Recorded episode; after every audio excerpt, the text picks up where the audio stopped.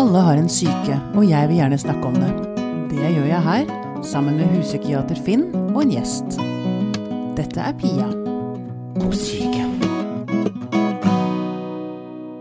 Jeg hørte en si her forleden at hvis eh, prostitusjon er verdens eldste yrke, så er eh, det å ruse seg verdens eldste hobby. Hva sier du til det, Finn?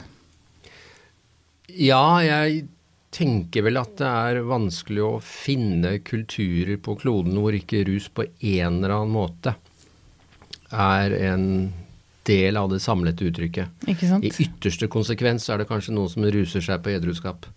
Ruser seg på edruskap? Men altså, alt kan jo på en måte brukes Ja. til å sette folk i en annen tilstand. Ja. Man kan ruse seg på jogging og shopping. Absolutt. Og mat og sex og ja. Ja. Men i dag skal vi eh, zoome inn på stoffene som vi ruser oss på. Så det som tradisjonelt sett kalles rus. Vi har fått besøk av eh, Øystein Skjælaaen. Velkommen hit. Tusen takk. Du har tatt eh, en slags doktorgrad i rus, du. Eller ikke en ja, slags jeg har vel uh, gjort det, ja. Ja. Det er vel ikke bare en slags doktorgrad? En slags, du har tatt en doktorgrad i rus. Jeg har tatt en doktorgrad som der rus er en sentral del av bildet, ja. Ikke sant. Og så har du skrevet en bok som heter 'Meningen med rus'. Mm. Ja. Du, det må være gøy å drive, sitte på pub og drive med forskning. Det må være greit. Det, var, det var veldig greit. Jeg fant jo ut dette at um det med å sitte på pub om morgenen var jo det som fenget meg, da. Fordi at Ja. det var Jeg gikk forbi Jeg jobbet på et kontor og gikk, og drev med rusforskning, og så gikk jeg forbi sånne puber der det satt folk eh, og, og drakk da når jeg var på vei til kontoret. Og jeg tenkte jo at det var et eh, det var et spesielt bilde, på en måte. da. En sånn dyp kontrast mellom de som eh, går forbi med barnevogn eller med sekk og skal på jobb og, og alt sånt, og så de som satt der og gjorde noe eh, veldig annet enn det. da. Ja. Men du, var det litt farlig for deg også å drive med denne forskningen? Du måtte vel gå inn i det, liksom? Ja, nei, farlig Altså eh, noe For det var, hvis du tenker på det at jeg begynte å drikke litt sjøl, da, så Mm, det var det jo eh, Det tror jeg jeg hadde gjort, i hvert fall. ja. Det, jeg opplevde ikke det så farlig. Jeg tok det jo ganske rolig med drikkingen, da. Men Mm. jeg, skal, jeg skal lett innrømme det at eh, det der å glede seg til en øl også på morgenen, Mm. det, det, det lærte jeg å kjenne etter hvert. Da Ja. Da var, levde jeg et sånn uh, småbarnsliv jeg leverte i barnehagen. Og av og til litt sånn kav om morgenen, sånn som det ofte er. Og så, eh, og så hendte det da at liksom Å, jeg skal i hvert fall på puben etterpå, da. Så da kan jeg liksom sette meg ned og Ja. ja. Men det driver du kanskje ikke så mye med? Nei, det, nei, for meg var det ikke naturlig å fortsette med det. Men eh, Du, for å begynne litt stort. Um, vi mennesker liker å ruse oss. mm. Hvorfor det? Nei, hvorfor det? Det, det er vel mange grunner, mange grunner til det, og mange ulike kulturelle grunner. Men, men vi er jo også vi er på en måte biologisk rigget for det. I den forstand at for å gjøre de tingene som er aller viktigst for at vi skal komme videre i, i vår evolusjon, så må vi spise, og vi må ha sex. Og gjennom de to aktivitetene så, så er vi da, da fylles vi med velbehag og en form for rus. Så på en måte det, det ligger liksom eh, forankret i oss da, biologisk, den, eh, den e- evnen til å, til å oppleve rus. da. Og så er det vel eh, men, men det er nå liksom helt sånn basic, da. Men hvorfor, vi, hvorfor mennesker alltid har Når de har funnet stoffer i naturen som gir rus, da, så har de tatt det i bruk og tatt det inn i, i kulturen og tilværelsen. Så vitner jo det bare om en sånn driv som man har, da, for å liksom komme utover det vante. Se noe eh, annet og kjenne noe annet enn det hverdagsbevisstheten, på en måte. Hva, er, hva, den, hva var det første mennesket rusa seg på? Vet vi det? Det burde jeg jo vite, men eh, det er ikke jeg helt sikker på. Nei. nei. Nei. Finn vet ikke du heller? Nei, men vi kunne jo Sopp. gjette at det er sopper. Sopper, ja. Ja, det er som jo- utrolig. Som vi kanskje kommer tilbake til, men som hører til en egen kategori Ja. som vi kaller psykedelika. Ja. Som jeg, er forskjellig fra andre rusmidler. Ja, nettopp. Eh, jeg håper å si, jeg, Denne boka er jo litt sånn et, jeg håper å si, et ode til rus. Jeg, jeg fikk litt lyst til å ruse meg. jeg leste den. Det er noen som sier det. Ja. Men tenker dere at det å ruse seg er bra? Altså, helsemyndighetene vil jo det. Er, alt er kjempefarlig. og de mm. Kampanjene på 70-tallet mot hasj og sånn. ikke sant? Mm. Et trekk av en hasjpipe, så er, ligger du i rennesteinen og heroin i øyeeplet. Mm. Eh, og det er veldig sånne kampanjer mot alkohol og sånn. Men for å snakke rusen opp, da. Litt. Er det, er det bra for oss å ruse oss? Jeg tror det er helt umulig å svare på det spørsmålet. For ja. det er som en del andre fenomener i vår kultur. Eh, noen tåler det ikke. Noen tåler det ok, og noen har godt av det. Mm. Eh, så det går mye på kvaliteter ved individer. Og noen ja. sleper jo med seg genetiske sårbarheter som gjør at de fort kan bli hekta på ting. Mm. Men det er klart at når vi snakker om at det er ingen kulturer stort sett som ikke ruster seg, eh, så har det jo noen slags funksjoner. Mm. Og i vår kultur i dag så kan vi jo tenke at det har en funksjon, at det er sånn lovlig kontrolltap. Eh, vi driver veldig mye med kontroll, vi driver med effektivitet og produksjon. Det er veldig mye sånn time in, og da er russen time out. Mm. Da har du liksom kobler av fra kobling. Og så mm. tror jeg noe veldig sentralt med mye norsk rus, da, spesielt hvis vi tenker på alkoholen, det er at den har et sosialt element. Altså Masse sjenerte nordmenn de er mindre sjenerte når de drikker, og det er mange nordmenn som ikke hadde hatt den kona eller mannen eller partneren de har, hvis de ikke hadde hatt litt promille med seg. For da hadde de ikke turt å henvende seg. Mm. Så liksom det er mange elementer. Men det er litt sånn Det er lovlig eh, fri en stund. Ja, ja. nettopp. Og så er det noe med at vi, altså man føler at man lever. og Jeg vet jeg leste for en stund siden at det er mye lettere å snakke et fremmed språk f.eks. når man har drukket. Ja, ja, ja. Man blir mindre selvbevisst på en eller annen måte. Mm. Eh, ja. ja. det ligger vel noe der at man, eh, man slipper Man går jo rundt i varierende grad, selvfølgelig, og liksom eh, ser verden gjennom de øynene man eh, er vant med, og man, man, liksom bremses av de tingene man vanligvis bremses av. da. Og, og de uh, Nettopp å slippe litt, av, slippe litt opp av det, da, er jo, eh, er jo kan være veldig godt for mange av oss. Og da vil jeg jo også tro det at man mister litt av den sjenansen og usikkerheten når det gjelder språk. da, At man tør å kaste seg, kaste seg mer ut i det. Jeg tror jeg er bedre i tysk med litt promille enn en, Ja, jeg er jo ganske sikker på det òg. Ja tror jeg kan bli ganske god i spansk, som jeg nesten ikke kan i det hele tatt òg. Men hvis vi spoler tilbake sånn historisk um, I boka di så skriver du uh, at uh, i det gamle Hellas mm. så var jo alkohol en viktig del av symposiene, altså hvor de satt og diskuterte politikk og filosofi og sånn. Og så leste jeg at sympotein betyr faktisk å drikke sammen. Mm. Det er jo helt fascinerende. Det er fascinerende. Og de tenkte da at man kom med bedre ideer når man drakk? Ja, det var de, Det må jo være noe sånt, da. Ja, ja. At, uh, at de, uh, de, merket det at diskusjonene ble uh, bedre. Sikkert ved, ved, litt av denne vinen. Og han historikeren som refererer til, og Bjørn Kviller, han skriver det at de oppdager politikken fordi at de hadde rikelig tilgang på, på vin. da. De oppdaget politikken? De oppdaget politikken. For det, var, det er jo derfra, fra antikkens Hellas, at mange ideene om liksom ja, litt sånn likeverd, demokrati og ja, sånn. At det, det, liksom vokser frem, de ideene der. Ja. Og det gjøres gjennom fordi at uh, man drikker vin og senker liksom uh, litt uh, ja, hva skal jeg si, terskelen mellom folk, da, og, og, snakker sammen. Ja, ja, nettopp. Mm. Jeg tenker at jeg skal nå i dette møtet vårt Nå skal jeg liksom også sørge for å være kjedelig doktor. Ja, men det er fint. Ja, altså mm. psykiater som hele tiden, hver gang dere sier noe hyggelig om rus, skal jeg si at ja, det er skummelt òg. Mm. Eh, fordi det er også liksom viktig å ha med seg det, selv om det lyder moralistisk. Eh, men det er klart at det er noen interessante samtaler her, og det vi er nå inne på, det er jo nettopp kreativitet. ikke sant? Mm. Altså forløsere er det kreativt. Mm. Ja, det er det nok inntil et visst nivå. inntil det ikke er det lenger. romaner skrevet i fylla er vel stort sett refusert eller dårlige. Mm. Men det kan være at det er noen eh, forløsende ideer som har si, blitt stimulert av at man har hatt eh, promille eller en annen form for rus. Mm. Vi har i Norge en stor forfatter som het Johan Borgen, som drakk mye rødvin. Og han satt ofte og skrev, og så neste dag så tok han manus, og så klippte han.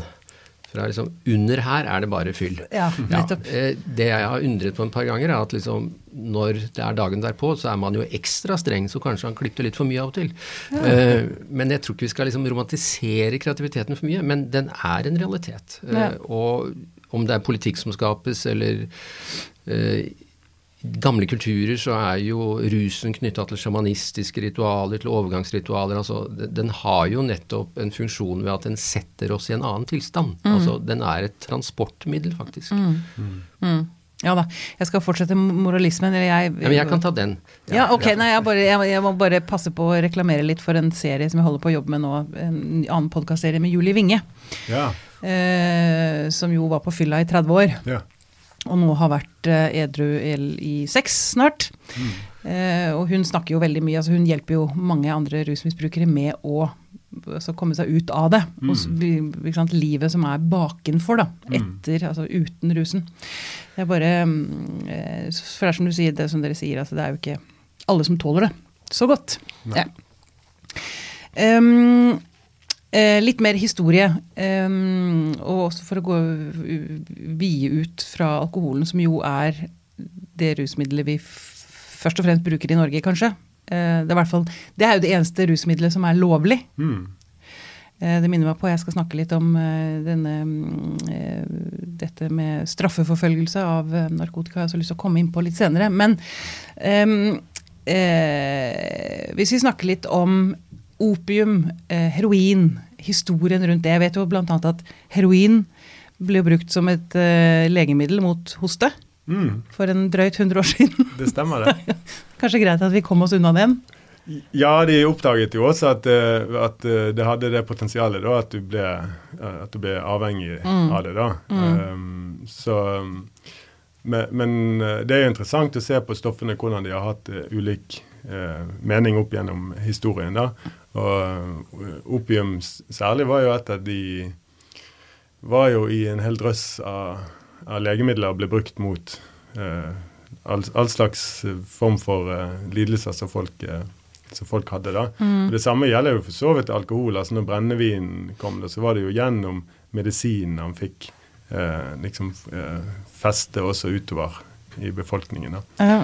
Um, men, men det er jo sant, De virker jo på Det er jo virkningsfulle stoffer ja. som uh, kan brukes til uh, mye forskjellig. Til mye forskjellig. Men og jeg vet også at uh, opium, der var det også sånn kjennere. Det er forskjell på, opia, på opium. Mm, Så det var sånn, det ble, akkurat som vinsmaking, liksom. ja, de, det, var, det er sånn Særlig i Kina, det er jo der vi kanskje forbinder med disse opiumsbulene. da. Og eh, noen av de var, var sånne lekre, fine, behagelige og god kvalitet på opium. De snakket om årgangsopium og smak og lukt og alt dette her. Som minner om vår, vår tids uh, vinkultur. da. Ja. Men uh, så hadde de jo sikkert flere av de eh, skitne og mer eh, lugubre opiumsbulene, da, som mer var Ja, som var for arbeiderklassen, da, de som kanskje måtte bruke det til litt andre formål enn enn de rike og bemidlede. Ja, nettopp. Em, eh,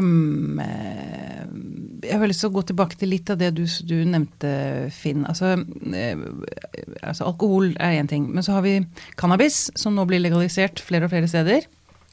Og også begynt å bli brukt i medisin. Eh, og så ser vi miljøer som forsker på bruk av LSD mot angst og depresjon og sånn.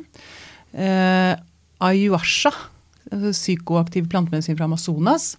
Hva tenker vi, Kan vi snakke litt om, om dette? Altså Her å, virker det som det åpnes opp litt grann rundt, eh, rundt eh, ja, psykoaktive altså planter. Ja, så jeg kan si litt om det i den forstand at jeg prøver å følge med, men som eh, mange andre har lest en bok av en som heter Michael Pollen, eh, som eh, plutselig er en internasjonal bestselger, og han kommer selv til Oslo i november, hvor han skriver en slags biografi om den gruppen stoffer som heter psykedelika. Mm, det er jo mm. de preparatene du nevner, og det er LSD, og det er psilocybin, som er det virksomme stoffet i disse soppene. Hele poenget i et sånt prosjekt det er at at uh, han sier at uh, ja, disse ble anvendt uh, i medisinske sammenhenger. Mm. Jeg gikk i veiledning hos en psykiater som testa ut LSD.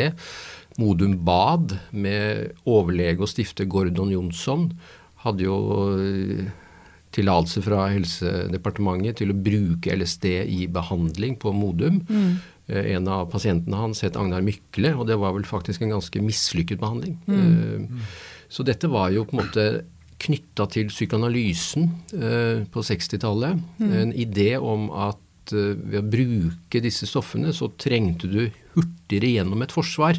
og Du kom nærmere en slags dybde. Mm. Så dette hadde en klar sånn idé om noe som er nyttig. I Danmark fikk man en LSD-skandale, fordi at til forskjell på Modum, hvor folk gjerne var innlagt og fikk LSD der, så i Danmark så bare stakk du innom en klinikk og fikk LSD-en din og gikk hjem igjen. Så du mm. vet jo ikke helt hoppsi, hva som skjedde. Eh, mm. Hva er poenget? Jo, eh, mange har skrevet, ikke minst en brite som heter John, Jonathan Harry, har skrevet om at fra USA så fikk du den store war on drugs, altså en voldsom kriminalisering. Mm. Dels fordi at noen hadde tatt for store doser av disse stoffene. altså Det var rekreasjonsbruk og ikke medisinsk bruk, og så forbød man rubbel og bit.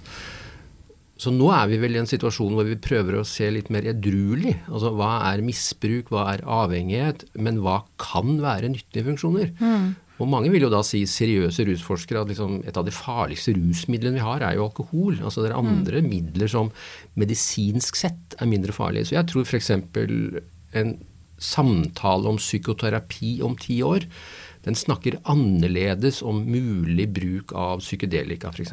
Ja. Altså at vi driver og renser litt den samtalen, men det er ikke så lett å ha den samtalen, for vi har alle disse forestillingene om misbruk og folk som tror de kan fly i LSD-rus og mm. dør, mm. og den lange historien med kriminalisering. Men det sklir litt i denne samtalen. Ja, mm. ja, jeg tenker også, Det er jo eh, interessant å se på at det er flere mennesker som dør av lovlig utskrevne opiater i USA, enn det narkohotellene står for, liksom. Ja, det er en skrekkelig amerikansk historie, hvor mm. man prøver å kjøre noen rettssaker nå. Men uh, det er også nettopp noe med at uh, det er jo ikke bare jeg, illegale stoffer vi snakker om. Vi snakker om uh, alkohol, så snakker vi jo om legemidler. Mm. som jo mm. brukes nettopp i russammenhenger. Så mm. leger er jo av og til farlige folk. Ja. Hva tenker du om straffe, straffeforfølgelse av sånn marihuana, cannabis? Nei, jeg, jeg, tenker det at um, det henger ikke på greip å, å straffe folk som, som, et utgangspunkt. At, at, man straffer folk for å putte noe i sin egen kropp. Det syns jeg er, er, på en måte um, det, er ikke, det, er ikke, noe vi skal bruke eller, maktapparatet til staten til. da. Mm. Det går for langt inn i folk sine sfærer. Mm. Men, uh, så det er et sånn utgangspunkt for hva, hvilke handlinger man liksom bør kriminalisere. da. Det mener jeg narkotikabruker går, klar av det. da. Men, det, men, noe annet er jo at det funker jo ikke sånn som man hadde håpet og tenkt at det skulle gjøre. Altså, Man vil straffe for å, for å få redusere problemene da med narkotika. Men, uh, men, det er ingenting som tyder på at det gjør det i, i særlig stor grad. Det, det, på den annen side så kan man godt snakke om at det, det bidrar til veldig mye skade også til stigma og utstøting av enkeltmennesker, men, men, uh, men uh, også liksom alle stoffene som da, da, er jo narkotika overgitt en sånn svart og kriminell økonomi som ikke er særlig vakker. da, Så det er mm. mye i kjølvannet der. Eh, både liksom i marked og produksjon. I Mexico har jeg vært i liksom i, i sånn narkokrig i årevis nå. Mm. Og, og um, Ja, så altså hvis du kjøper stoff på en gate i Norge, da, så mm. er du på en måte en del av en sånn svart og, og ekkel økonomi ja, ja. Som, ja, som ikke er, er bra. Det er skadelig. Mm. Og så mener jeg å huske å lese, jeg har lest også i boka di at de reduserte straffene i Australia, og det førte ikke til at noen økt bruk? Nei, det er ganske mange eksempler på det rundt omkring i verden nå. at det, det er ikke noe sånn, eh, nødvendigvis en sånn klar sammenheng mellom, mellom, straff og bruk. Da det er liksom andre ting enn det som, ja. Eh, som ja. Eh, påvirker at folk bruker stoffene. Nettopp. Um, jeg har lyst til å snakke litt om um, måten folk reagerer på fylla. For det er ikke sånn at alle mennesker over hele verden reagerer likt på altså, Det er ikke bare alkoholen som styrer, liksom. Du snakker om tre faktorer. Det er selve stoffet som fremkaller rusen, personen som ruser seg, og omgivelsene. Mm. Uh, kan ikke du si, utdype det litt? Nei, ehm, ja, det er utgangspunktet. da. Eh, Noen av de som Uh, har skrevet om det, det er noen antropologer uh, som skrev en bok som heter 'Drunken Comportment' uh, på 60-tallet. Slutten av 60-tallet. Og de var Altså Deres enkle observasjon da, ved studier av kulturer i, rundt omkring i hele verden hvor alkohol brukes, er at folk reagerer veldig ulikt på stoffene. Og det, det var på en eller annen måte litt kontroversielt, da, fordi man tenkte alkohol som uh, I alle fall på den tiden eh, tenkte man at det liksom fikk frem eh, Folk ble mistet kontroll, gjorde ting de Og ble aggressive og voldelige og ja. mm. Alle disse elendige tingene. da, og, og det gjør det jo også til dels. Alkohol har jo virker sånn på noen, men det er veldig forskjellig hvordan uh, man uh, reagerer på det. Eh, og at det ligger inne som litt sånn kulturelle skripter. da, at du, uh, Hvordan du reagerer når du er full. Og det er liksom uh, en, en del av bildet. Det, I hvilke situasjoner man er, påvirker hvordan rusen virker. Det, Ja.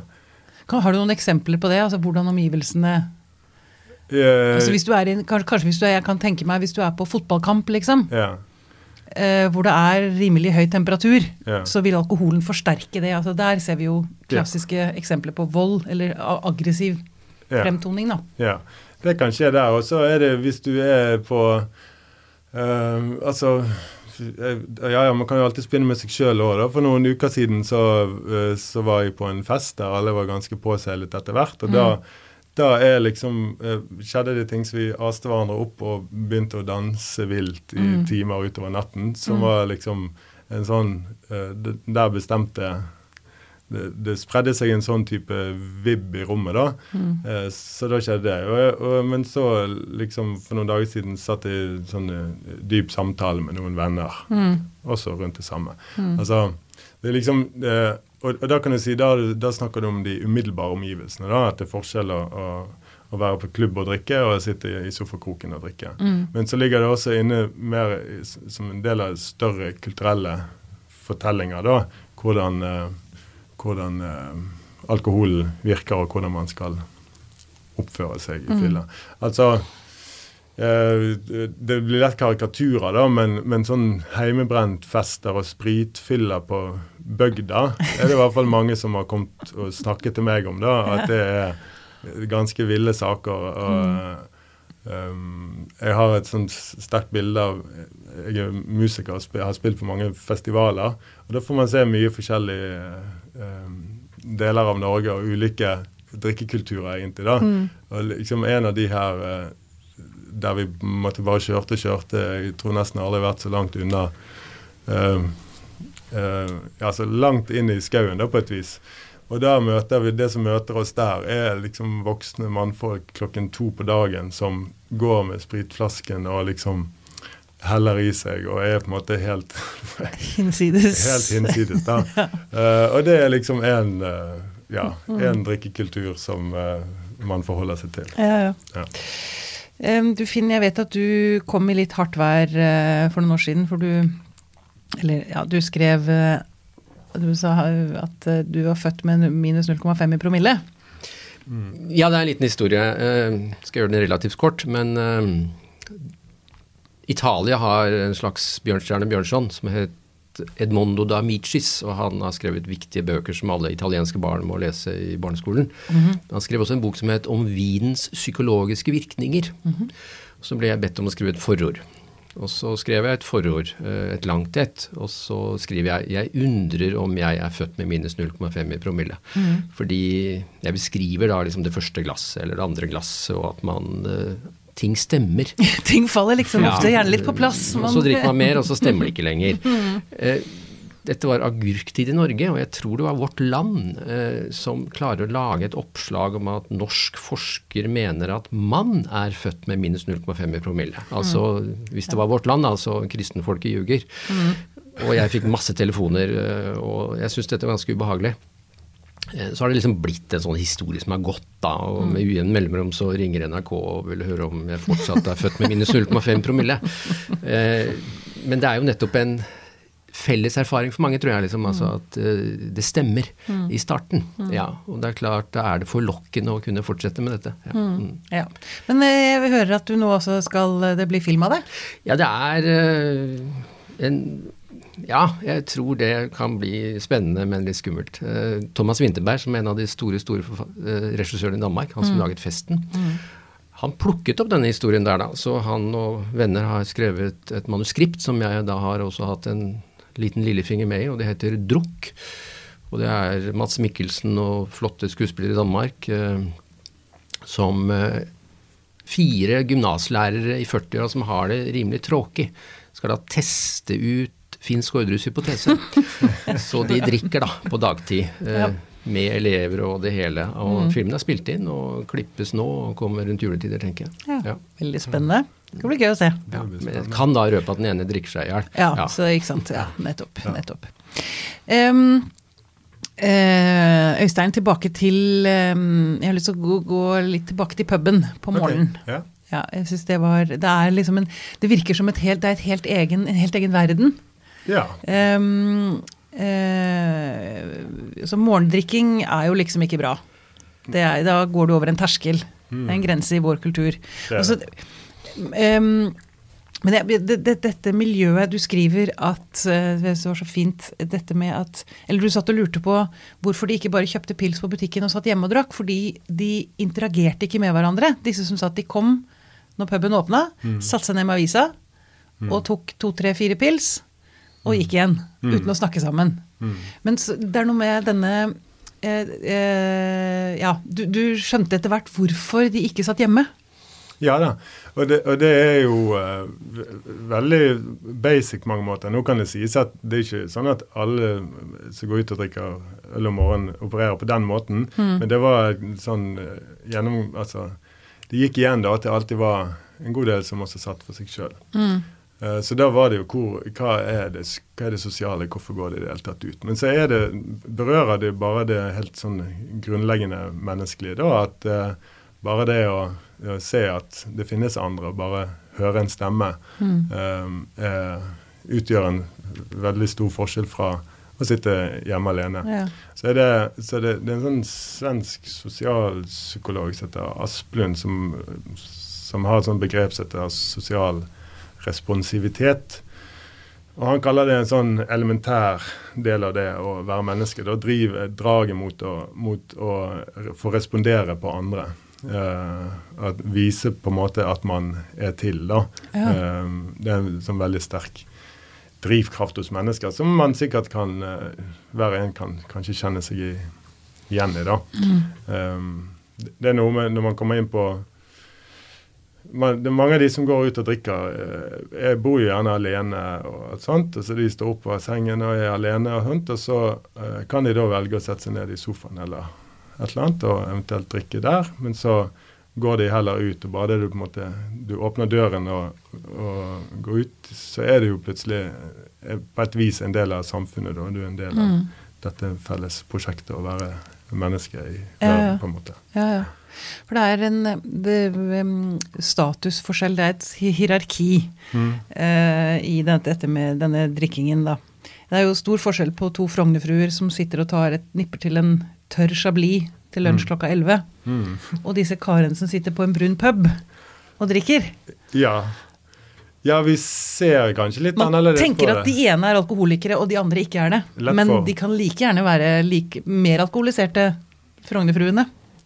Absolutt. Ja. Jeg tenker at det er interessant nettopp å se på disse kontekstene, da, som Josefin kaller det. Jeg er relativt ofte på morgenkvisten på Gardermoen. Mm. Og syns jo det er veldig interessant uh, å se all drikkinga klokka sju på Gardermoen. ja, da er det helt lov, liksom. Ja, for da er det plutselig helt legitimt mm. å drikke masse fordi man skal på charterreise. Mm. Uh, så da er det en lovlig sone. Mm. Altså, hvis du fortalte meg at du drakk en del klokka sju om morgenen, så hadde jeg blitt bekymra for deg, Pia. Mm. Så igjen, det, vi lager legale og illegale rom hele tiden. Uh, og det er litt sånn noe av det som gjør det vanskelig av og til å jobbe med rus rus, det er jo det at folk har en tendens til å definere rusmisbruk som litt mer enn det de selv driver med. Altså Hvis du er en avholdsperson, så er det å drikke rusmisbruk.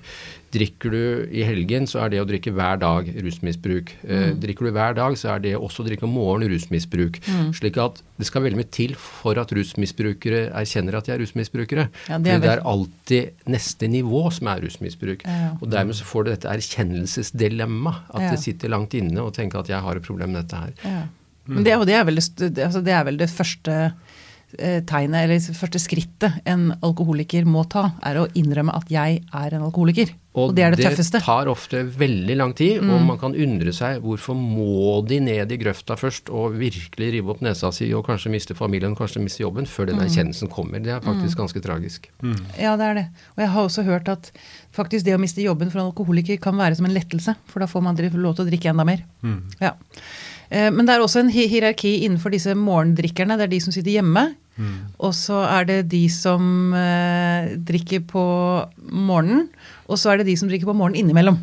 Der er det også et hierarki. Ja da, og det er jo det er vel kanskje litt i forbindelse med det Finn sier, da, at man, man, eh, man skaper jo sin identitet som alkoholiker i relasjon til andre. Eh, og da eh, er, det, er det en måte å se på seg sjøl som en, en, uh, ja, en alkoholiker med det paradoksale at han har litt kontroll, da. Uh, for det at du bare gjør dette eh, innimellom. Men For det, um, eh, alkoholisme kan ofte henge sammen med ensomhet. Du skriver også om Jens Bjørneboe, som så på ikke, Han snakket ikke om kongealkohol, men broralkohol. Han visste selv at han kanskje ikke relaterte så bra til andre mennesker, men alkoholen var alltid der, som en god venn. Mm.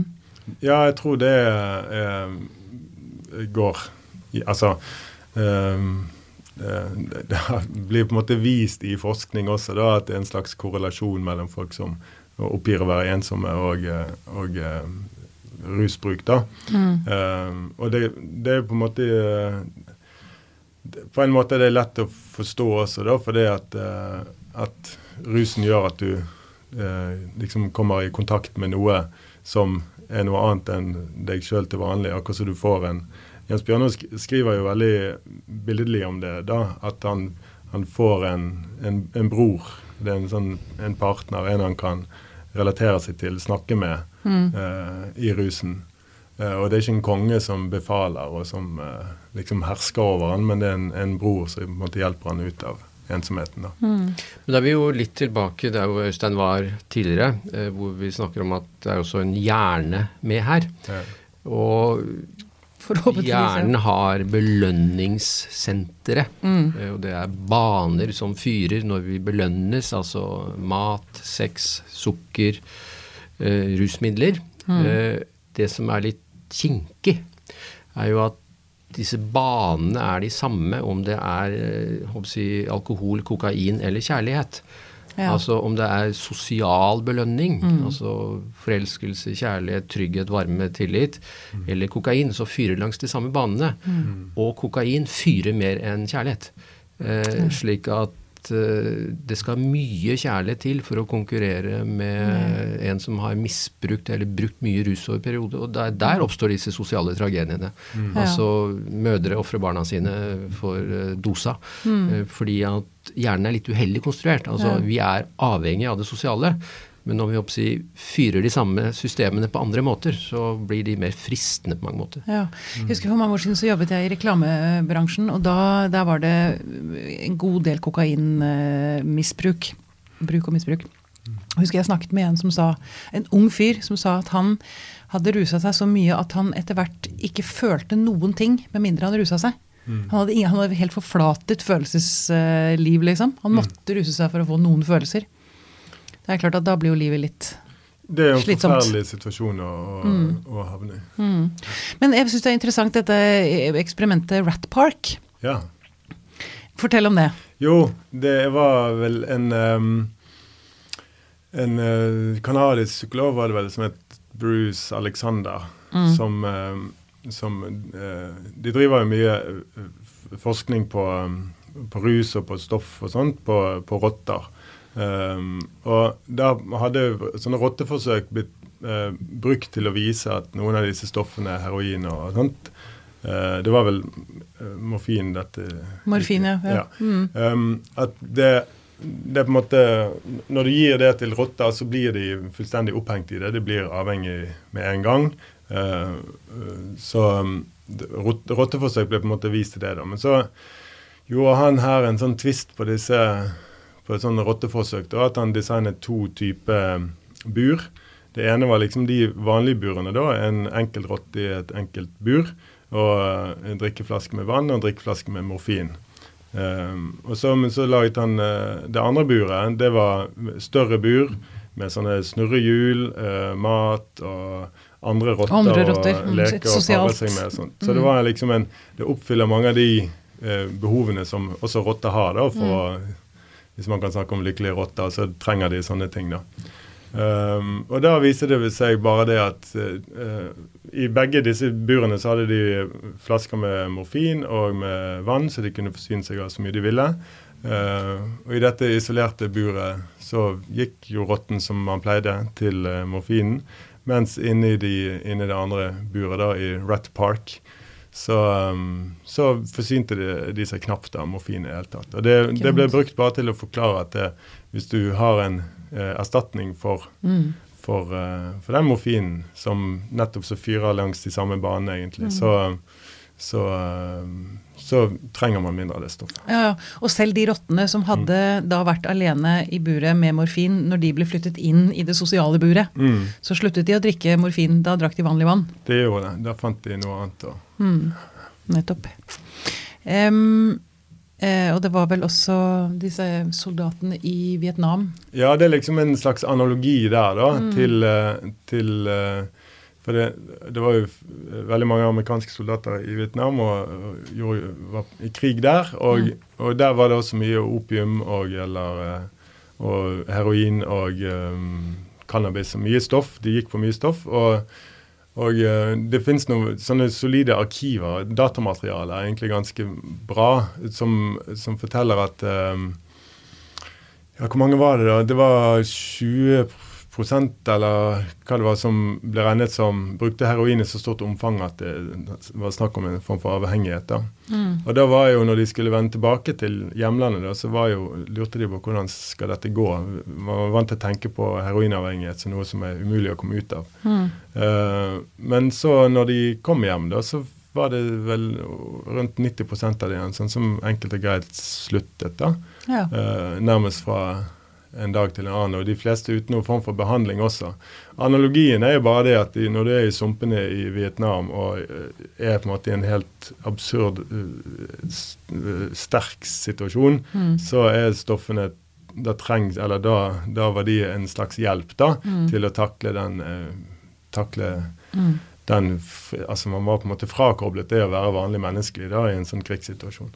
Uh, så da var stoffene til, hjelp, da. Mens når du kommer hjem, og du kommer hjem kanskje til din familie og dine, kanskje dine barn og sånt, så, så ja, så var ikke det behovet der mm. lenger. Mm. Nettopp. Um, um, ja, er det sånn at man uh, blir altså, Jeg husker noen eh, fortalte at når de skulle ansette folk, så tok de dem ut. altså En ting var et intervju, men så tok de dem ut for å drikke, for å se hvem de egentlig var. ja, men ikke sant, Det er noe med at man, man mister kontrollen, og man slipper frem seg selv. Man blir liksom tydeligere mm. på en eller annen måte. Mm. Mer sannferdig. er det, Tenker dere at det stemmer? Jeg tenker at man ikke alltid kan stole på folk som ikke drikker, da. For jeg tenker at de som ikke tør å miste kontrollen, der er det noe skummelt. Altså, Jeg er ikke sikker på om det er en sånn lakmustest eller en sannhetstest. Nei. Altså, Hva sier man av barn og fulle folk, hører man sannheten? Mm. Jeg er ikke så sikker på det, men det er jo selvfølgelig litt situasjonsbestemt. Men det er jo veldig forskjellig hvordan en del mennesker reagerer. Mm. Altså Noen blir liksom d'Artagnan for en natt og noen mm. blir melankolikere, og noen blir sånn, osv., osv. Mm. mm. Eh, ofte så har de samme menneskene en tendens til å reagere på samme måter, men også sånn situasjonsbestemt. Eh, mm. Jeg tror ikke en del mennesker også er litt sånn fra seg selv. Altså, jeg, jeg, tror ikke det er sannheten som aldri kommer fram. Hva mener du fra Nei, altså, seg jeg selv? tror at man, man kan bli hensatt i en tilstand som man kanskje ikke egentlig føler seg så fortrolig med. Mm. Så at det er et sannhetsbevis, det vil jeg liksom ikke nødvendigvis eh, ta for uh, sikker fisk. Men altså det er utrolig hvor lite som skal til for at folk skifter en del personlighet. Og kanskje Mm. mye hvis det er mye sjenanse og den type ting. Så er jo dette ofte et effektivt sånn glidemiddel på håper å få et litt friere liv en liten stund. da. Ja, ja. Men noen har jo et aggresjonsproblem, f.eks. Mm. Altså, det er jo impulskontrollen som veldig ofte påvirkes. Mm. Nettopp. Ja, og det, men og jeg tror jo det at eh, Jeg tror heller ikke at det er liksom et sånn sannhetsserum eller noe sånt, men, men, eh, men det er vel kanskje det at man av og til tør å si noe som man også egentlig mener. Men altså det er noe av den sjenansen og sånn som, som brytes litt ned om litt større frimodighet. Sånn at man eh, faktisk tør å si noe som man syns er sant, da, men som man kanskje ikke tør å si ellers. Så det er jo en Sånn sett er det, kan det være en, en, en, Mange opplever at det er en god måte å bli kjent på. da, en, liksom en, en kveld med litt uh, rus. Da blir man mye mer kjent enn eh, tre kvelder med cola eller som kaffe. Kaffe, eller, mm. ja. Og så Det som er fordelen, er at man kan alltid skylde på fylla. Det er jo også hendig. Man kan falle tilbake det. Det var ikke jeg mente det ikke egentlig, jeg hadde bare drukket for mye. Ja. Det. Men det, bare for å komplementere Øystein med denne boka. eh, det er jo det, det, det er en viktig og fin bok, og den føyer seg litt inn i en tradisjon. Eh, nettopp det at mye av vår opptatthet av rus, altså ikke den private og personlige som handler om å drikke alkohol eller annet, men den er jo en veldig bekymret opptatthet. ikke sant? Altså alle skadevirkningene av rus, som er veldig alvorlige. Og så er det liksom bekymringen forut, risikofaktorer osv. Men det er jo ganske få tekster som akademisk eller populærvitenskapelig da, går inn i selve den berusete erfaringen. For det er liksom litt sånn tabu å liksom gå inn i rusen og beskrive rusen, for da, liksom, da er du og fikler i et landskap du ikke skal være.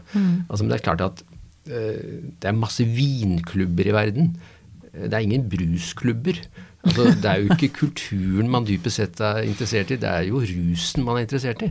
Eh, og det å begynne å sette litt navn på berusete erfaringer er jo en veldig viktig del av å forstå det. Altså snakke om attraksjonen, snakke om alle de positive sidene, for vi vet om de negative sidene. Og hvordan forskjellige rusmidler virker. Noen drar deg opp, noen drar deg ned, noen roer deg, noen får deg til å bli visjonær. Dette er jo seriøs forskning. I Norge så har vi en veldig spennende sosialantropolog som heter Tian Sørøv, som skrev en bok for 20 år siden som het 'Fornuftens fantasier'. Og Da skrev han nettopp om dette paradokset. Altså, hvorfor skriver ingenting om det det egentlig handler om? Ja, Han var min uh, veileder på doktorgraden. da. ja jeg ser sporene. Ja, det, Ja, det. så, ja. Han sa vel det at rusforskere er forbløffende lite opptatt av rus. Ja. Så det var ja, en slags akkurat de er sånn, opptatt av eh, skadevirkningene. Ja, og går ikke liksom inn i rusens vesen og, og hva de gjør. Og det er vel bare en tanke om at også i, hvis målet skal være, som det selvfølgelig må være, at vi skal eh, redusere skader og forebygge og alt mulig sånt, så, så hjelper det også å forstå hva det gir, da. Det kan, det på en måte, kan man treffe bedre på, på hjelpen også, kanskje. Ja, så hvor fins disse beskrivelsene? Jo, de fins i skjønnlitteraturen. Ja. der er det rikelig. Altså viktige beskrivelser av, skal vi si, innenfra erfaringen. Altså en skandinavisk versjon er Tom Christensen 'Hærverk'. En amerikaner som heter Charles Jackson eh, ble utgitt av Kalle Knausgårds forlag for noen år siden. Uh, 'Forspilte dager', som handler om hva som skjer. Og de skriver fra innsiden av disse erfaringene. Ja, ja. Og det er rik og spennende litteratur. Ja, ja.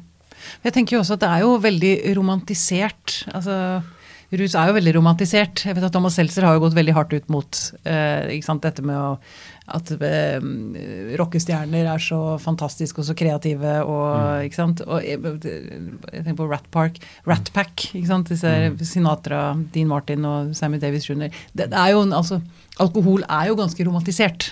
Det er også det, ja. Eh, og kanskje særlig innenfor en del sånn eh, kunst, musikk og sånt. At det, det skal eh, Jeg vet ikke, En god venn av meg, Kristoffer Jona, han er også med, jeg skriver om han i boken. da. Han, eh, han, han, eh, han er en eh, fabelaktig skuespiller. Og han sier det, det er veldig godt å, å før du skal på jobb da, en kveld å, drikke sammen med regissøren eller noe sånt da, for å liksom å nettopp bryte ned og bli fort bedre kjent. da. Mm. Men når det gjelder liksom jobbingen, da, så, så er jo alkohol helt ubrukelig. Den gjør deg bare til en dårligere skuespiller. Ja.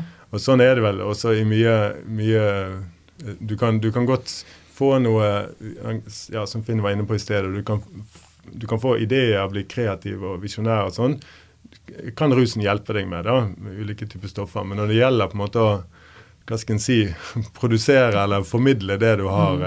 erfart i rusen, da, Mm. så er det en bedre idé å være ganske Ganske edru. edru. Ja.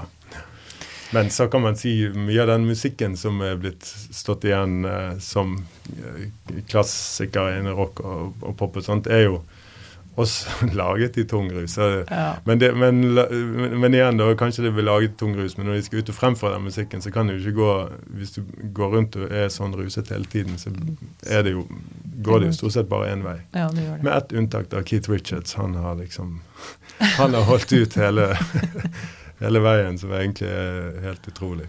Ja, Han sier at årsaken til det er at han har bare fått rent og trygt og godt stoff. da. Okay. Så han har sluppet Han har vel kanskje en disposisjon som tåler det òg, får vi Han har en eller annen genetikk ja, som, Ja. som tåler det. Ja, nettopp. Ja. Ja, har vi eh, dekket meningen med rus, føler vi? Er det noe som må føyes til her? Fra noen av dere?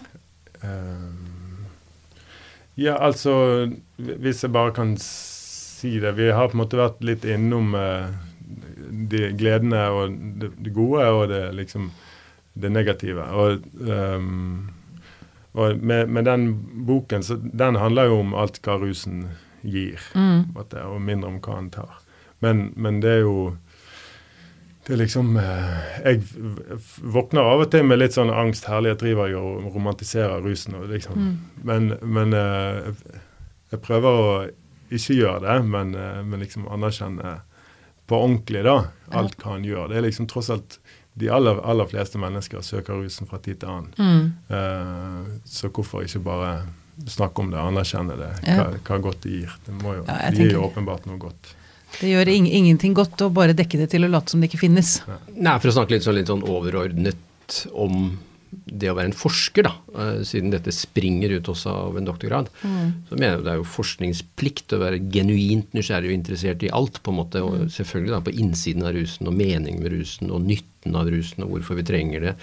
For hvis ikke så kan man ikke forstå hvorfor hele kloden egentlig stadig vekk tyr til rus.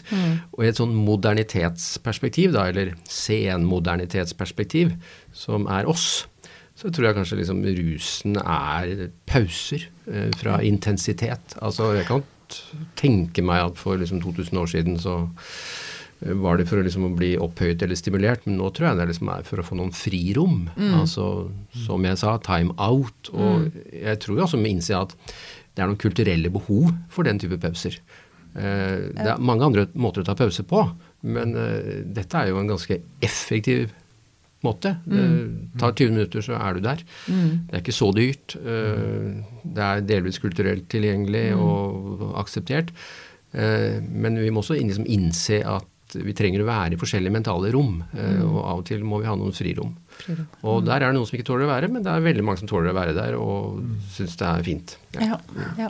Men, men eh, jeg har en eh, Hva blir det, da? Min fars sin eh, fetter. Ja, et eller annet sted i familietreet. Per Kjellevann het han. Han var barnelege og sånt, men han ga nettopp et, et, liker den form for legeblikk, da. En, det var visst sånn hvis han var i kontakt med en forferdelig stresset og bekymret spedbarnsmor som var bare fryktelig stresset og skuldrene opp til ørene og sånt.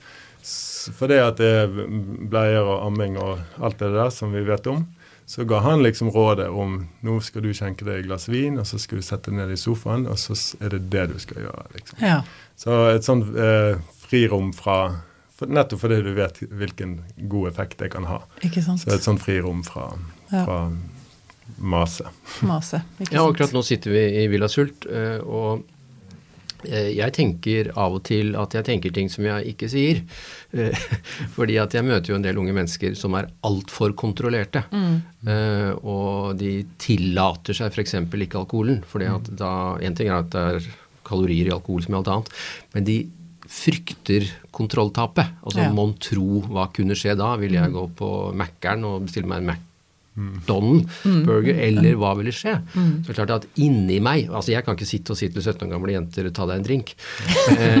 Men du har litt lyst? Jeg har ofte lyst, fordi mm. at uh, det er jo nettopp uh, hvorfor ikke teste ut litt mer kontrolltap? Mm. Altså Hvis du insisterer på å ha kontroll hele tiden, det betyr at da har du ikke kontroll i det hele tatt. Mm. Uh, så det å øve på å slippe kontroll Og klart at da er denne kjemiske kontrolltapet det er veldig lett tilgjengelig. Det er det. Det er interessant erfaring. Ja. Vi ser når folk blir friske, så begynner de å slappe av og tillate seg et glass. Ja. Ikke sant. Ikke sant. Så vi er for uh, ett og to glass. Men uh, ja. Det, noe, det, egentlig, det, er, det, finnes egentlig ingen god konklusjon på dette. Altså, det, det, er bare noe med at vi må bare akseptere at rusen er der. Det må vi. Og så gjelder det å ha et forholdsvis bevisst forhold til den. Mm. Kanskje. Mm. Ja. Veldig bra, Øystein Skjælåen. Skjælån? Skjælån. Skjælån. Skjælån. Ja. Tusen takk for at du kom til oss. Tusen takk for at jeg kom. komme.